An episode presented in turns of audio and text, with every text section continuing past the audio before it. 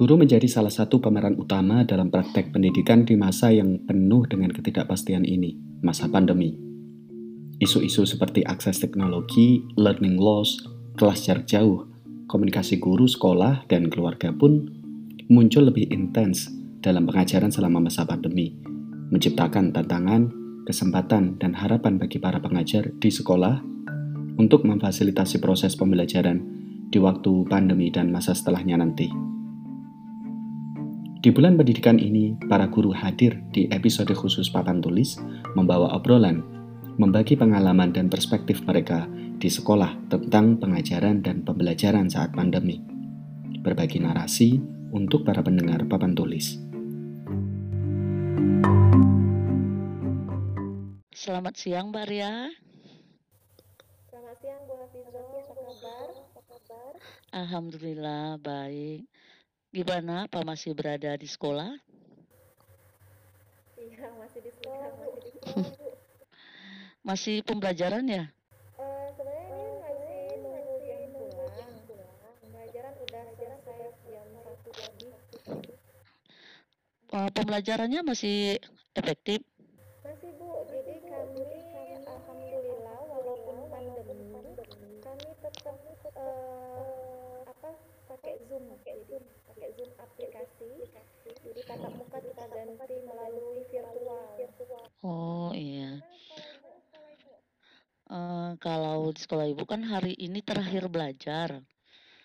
Namun uh, karena ibu juga ngajar kelas 9, ini sudah ke kelas 7, kelas 8 aja yang masih belajar. Ini terakhir tadi sampai jam 12 ini pembelajaran tatap muka kan belum bisa kita laksanakan, jadi masih PJJ, pembelajaran jarak jauh. Itu uh, Uh, kalau masa pandemi ini, Ibu rasa mungkin permasalahan kita sama ya Mbak Ria ya, untuk semua jenjang sekolah. Ini pembelajaran di masa pandemi, PJJ seperti ini, uh, jelas kurang efektif kemungkinan hanya 25% materi yang bisa diakomodasi oleh anak-anak kita. Hmm, iya Bu, ya walaupun kami juga melalui Zoom virtual, Zoom aplikasi, memang agak berbeda sih dengan tatap muka. Karena terutama kami kan dari TK, kalau TK itu kan e, mengutamakan sentuhan, lebih yeah. dekat, uh -uh. jadi kalau untuk dari ini memang agak sistem pembelajaran agak sedikit lost ya Oh iya. Uh, kalau di tingkat jenjang TK itu uh, pembelajaran yang loss itu istilahnya hilangnya pengetahuan atau berkurangnya pengetahuan anak itu mungkin lebih berdampak ya Mbak Ria ya? Karena kan kita kan mengembangkan enam aspek bidang perkembangan Bu. Jadi yeah. tidak hanya akademik yang kita kembangkan, karakter dari segi-segi karakter juga kita kembangkan. Nah, dari karakter inilah yang agak menghilang. Oh ya. Karakter yang agak agak agak agak apa uh, menurun, menurun. Mungkin untuk semua jenjang sama ya Mbak Ria ya.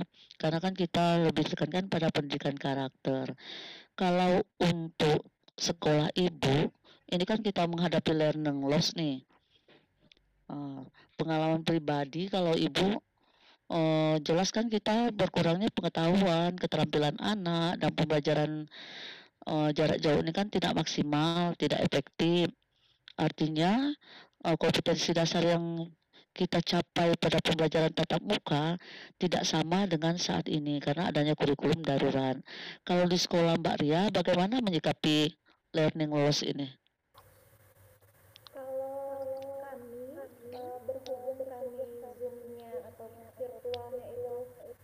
disamakan seperti jam tatap muka jadi paling cara metodenya aja bu. Jadi metodenya kami pakai metode yang lebih atraktif lagi. Uh, supaya anak-anak tetap tidak merasa bosan walaupun belajar dari rumah.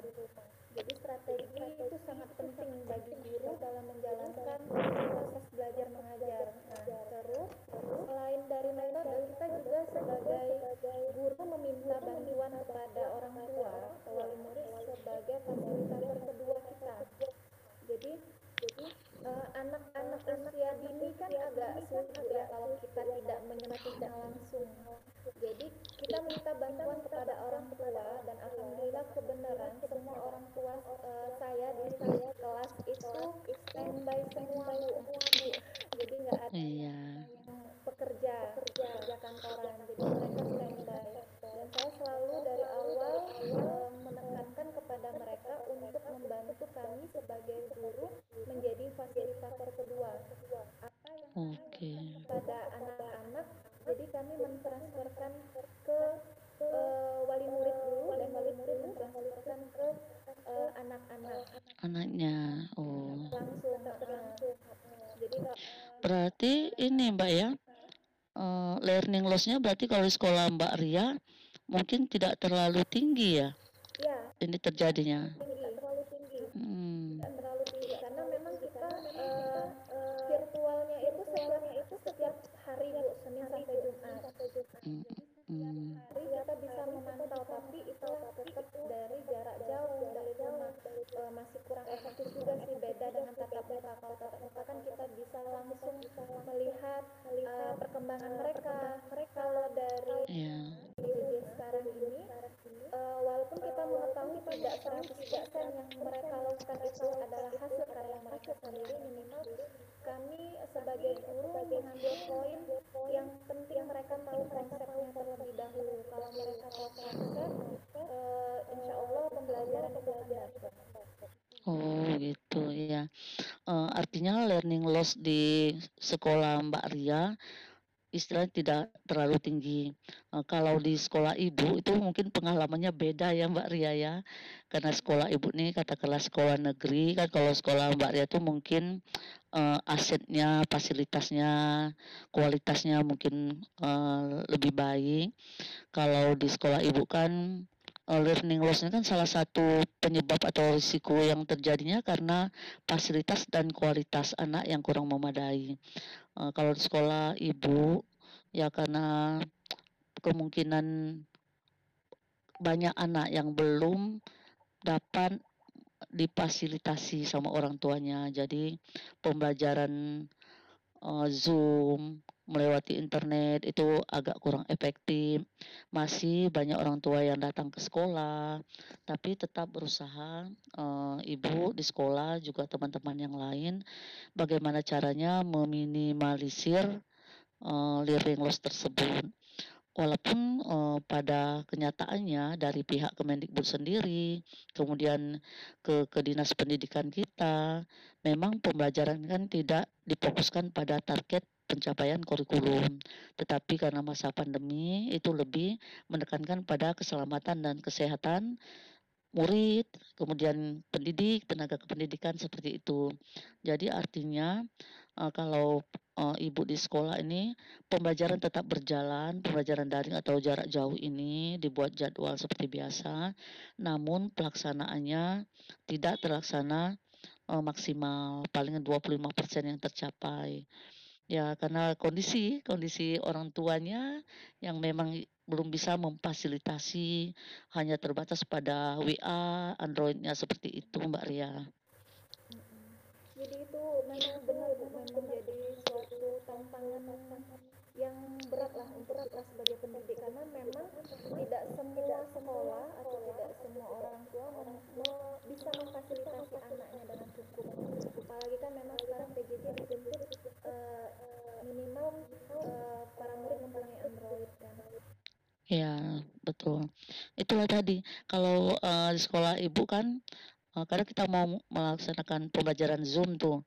Jadi anak-anak kita kasih tahu link, nanti yang masuk di Zoom itu hanya berapa orang. Mereka eh, selalu mengungkapkan alasannya, Ibu maaf aplikasi HP kami tidak memenuhi, tidak bisa mendownload aplikasi Zoom seperti itu, atau eh, mereka terkendala karena sinyal, karena kuota seperti itu.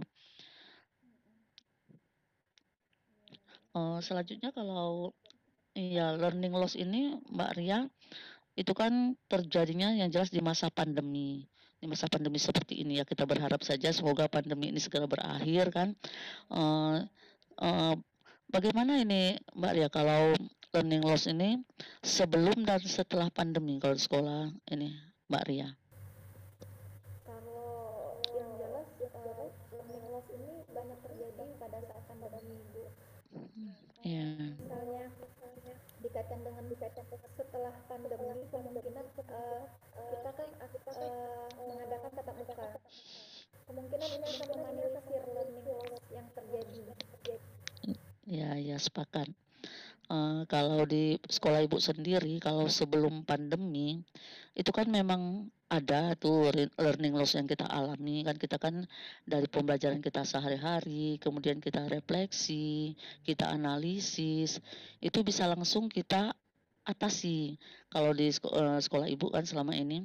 Jadi uh, dari analisis bisa dilakukan remedial, dilaksanakan pengayaan terhadap anak. Artinya learning loss ini bisa kita langsung ambil tindakan. Namun uh, di masa pandemi jelas yang tadi kan kita kendalanya di fasilitas. Uh, kemudian kalau setelah pandemi insya Allah mungkin ya kita nanti Mbak ya berdoa sama-sama apabila pandemi ini segera berakhir kemungkinan learning loss yang kita alami selama masa pandemi bisa kita kejar setelah pandemi. Artinya untuk anak-anak kelas 7 kelas 8 mungkin ada nanti tambahan materi atau seperti apa ya Mbak Ria ya mungkin cara kita mengatasinya gitu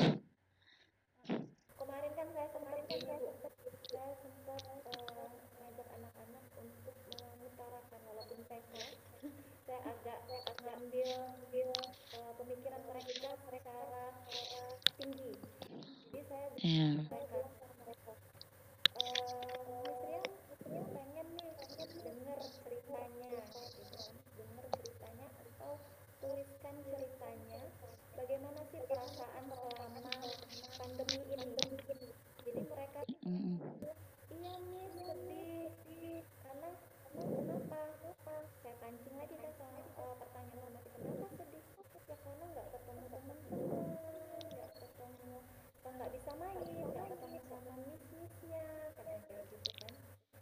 Iya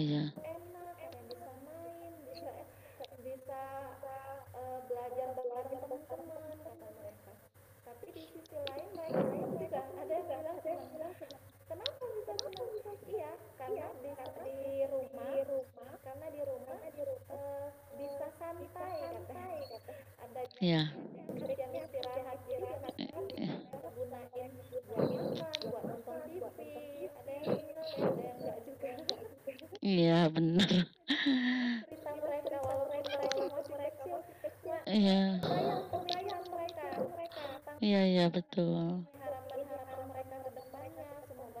Iya. iya.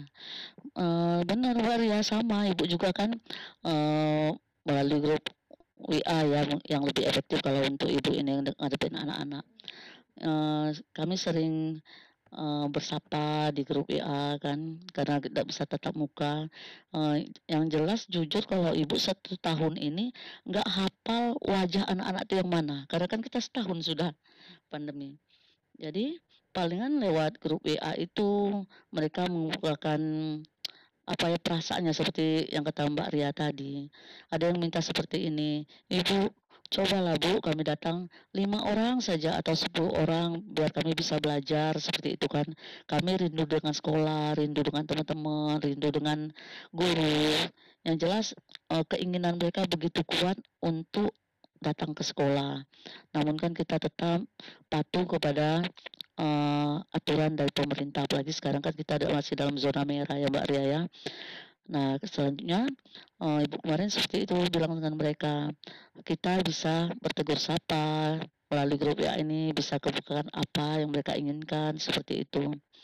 Tapi benar kata Mbak Ria, tetap saja ada yang komen, enak Bu pandemi, kami di rumah seharian. Yang jelas kalau Ibu seperti ini, uh, ambil positifnya seperti ini kan, dari apa yang mereka sampaikan, mungkin kedekatan mereka dengan orang tua lebih terjalin dengan adanya pandemi ini. Iya, lebih terjalin karena mungkin kan, iya karena kan mereka selalu uh, ke orang tua kan kembalinya apabila mengalami kesulitan atau apa pun kan karena orang tua yang mendampingi seperti itu Mbak Ria.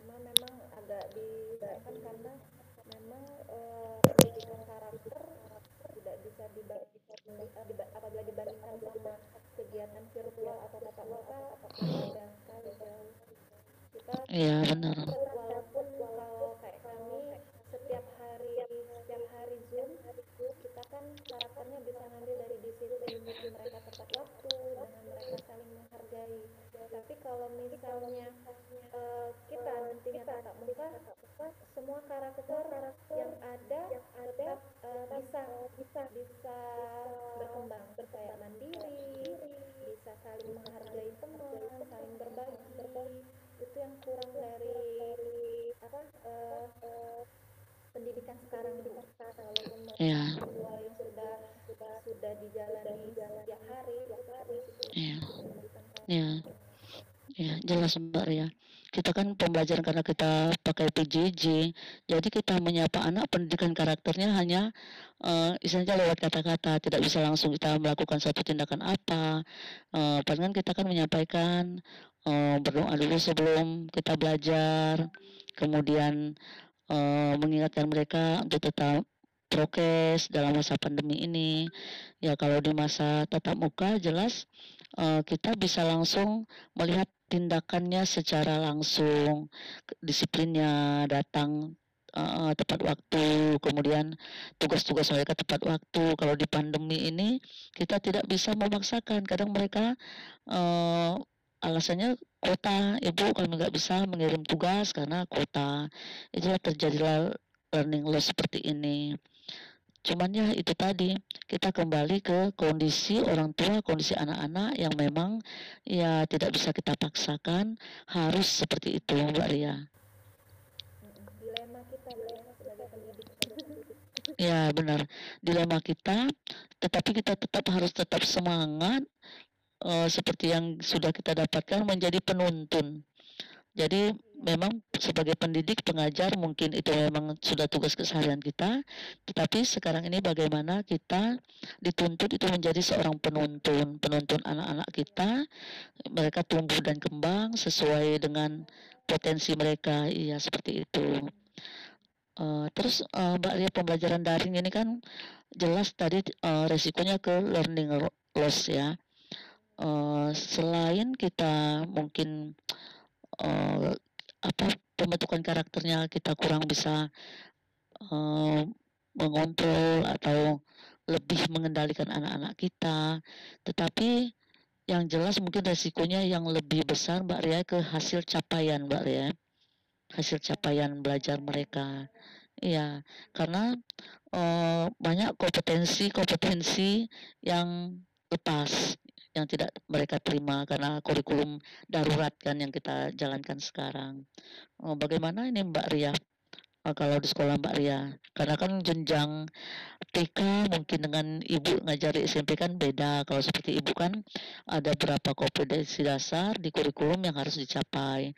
Namun karena masa pandemi itu terjadi pengurangan, katakanlah kurikulum darurat seperti itu. Nah, kalau untuk di sekolah taman kanak-kanak atau PAUD seperti Mbak Ria mungkin seperti apa Mbak Ria?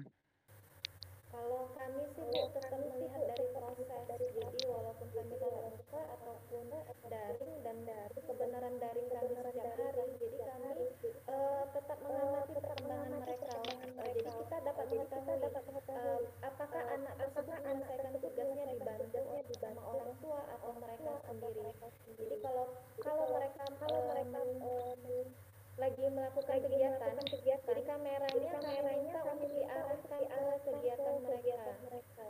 Ya seperti itu. Hmm. Jadi eh, kelihatan kelihatan mereka dibantu sama orang tua atau tidak. Kalau misalnya ada beberapa anak yang memang lepas sama sekali, jadi orang tua yang bekerja, kita panggil, panggil, adek, ayo adek, coba dulu deh, adek bisa kok, adek bisa, coba bantu mama, adek coba bantu mama kayak gitu. Kita Oh, support buat mereka. Jadi iya iya. kalau di TK ini kita lebih mengambil ke proses Oh seperti itu. Ya, tapi itu tetap ada uh, kurikulumnya yang berisi kompetensi-kompetensi yang harus dicapai ya, Mbak Ria. Ya, memang ya, ada. ada. Nah, itu oh. makanya kita tidak kita tidak uh, karena pendidikan anak usia dini kita tidak memaksakan mereka harus mereka bisa. bisa. Minimal mereka bisa tahu konsep itu sudah goalsnya kita. Sebagai oh, begitu. Anak-anak tahu konsepnya, mengerti, oh ini ternyata bentuknya seperti ini, enggak, bukan hasil yang kita cari tapi mm -mm, proses. Kami sebagai pendidik mengembangkan enam bidang pengembangan dari nilai agama moral, fisik motorik, kognitif, bahasa, sosial emosional dan seni. Dan itu semuanya kita ambil dari prosesnya. Hasil, uh, memang hasil itu itu apa kita perlukan tidak tidak da, dari rata-rata 100 100 uh, itu cuma nilai pendukung untuk hasil oh iya iya paling penting hmm? oh mungkin itu ya, ya lanjut mbak Ria ya mungkin itu mbak Ria yang menyebabkan learning loss di sekolah mbak Ria eh, bisa diminimalisir ya ya. Kami ya. Yeah.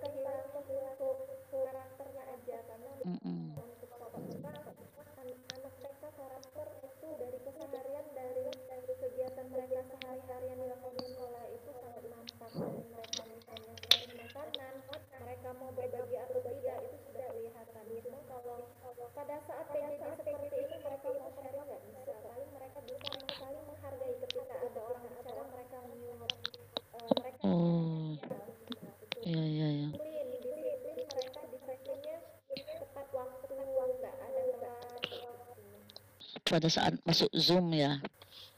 Iya, pada saat ya. Ya kalau di sekolah ibu kan mungkin karena jenjang TK dengan jenjang SMP itu beda Mbak Ria ya. Kalau SMP kan kurikulumnya dia lebih uh, memang ke pengetahuan dan keterampilan. Ada kompetensi kompetensi dasar yang memang sudah lebih tinggi dari uh, anak-anak TK ya Mbak Ria ya. Jadi kalau pada ya jenjang SMP seperti ibu, memang learning loss-nya itu terasa betul. Ya seperti tadi kita harus mencapai 100% yang tercapai karena masa pandemi hanya 25% seperti itu. Itu pun kadang uh, kita sudah berusaha menyampaikan materi agar semua anak-anak kita terakomodir. Namun pada kenyataannya, realitanya pada saat ada tagihan yang kita minta, itu yang mengumpulkan itu hanya beberapa orang. Kita kejar terus, kejar terus. Ini itu mungkin salah satu cara mengatasi learning loss ini kalau di sekolah ibu kemudian komunikasi dengan orang tuanya. Apabila anak-anaknya sudah berapa kali kita uh, kejar masih belum mengumpulkan, akhirnya kami mengambil tindakan komunikasi ke orang tua. Jadi minta bantuan orang tua bagaimana agar anak-anak ini uh, tidak uh, apa mengalami learning loss yang begitu besar seperti itu, Mbak Ria. Mm -hmm. Ya, ya, jadi kita, uh, tarik kesimpulan berarti memang learning loss, learning Iya. Ya ya Ya benar. Yang jelas kesimpulannya kalau untuk ibu di sekolah ibu ini learning loss itu dampaknya itu lebih besar ke hasil capaian anak ya terhadap kompetensi-kompetensi yang ada di kurikulum. Namun bukan berarti pendidikan karakternya semuanya bisa diakomodasi, sama saja masih ada yang uh, istilahnya tuh yang loss juga di karakter karena kita tidak berhadapan langsung dengan anak-anak kita seperti itu Mbak Ria. Ya. Oke deh Bu, oke deh Bu. Iya. Ya, sepertinya pembelajaran pandemi ini kalau belum berakhir tidak habis-habisnya. banyak sekali cerita yang dialami ya seperti itu tantangannya, kendalanya, terus usaha kita untuk mengatasinya, ya. Ya, kita berdoa Mbak ya, semoga pandemi segera berakhir, jadi kita bisa lebih apa ya, menyampaikan materi itu dengan benar-benar seperti apa yang kita harapkan dan anak-anak harapkan.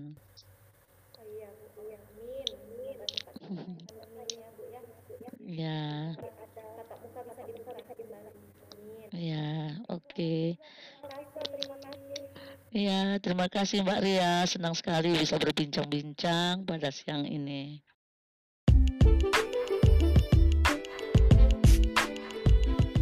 Terima kasih telah mendengarkan dan ikut serta membangun narasi pendidikan yang lebih baik lewat papan tulis. Ikuti kami di Instagram @papantulispodcast. Dan juga ikuti episode-episode Papan Tulis dari mana pun teman-teman mendengarkan podcast.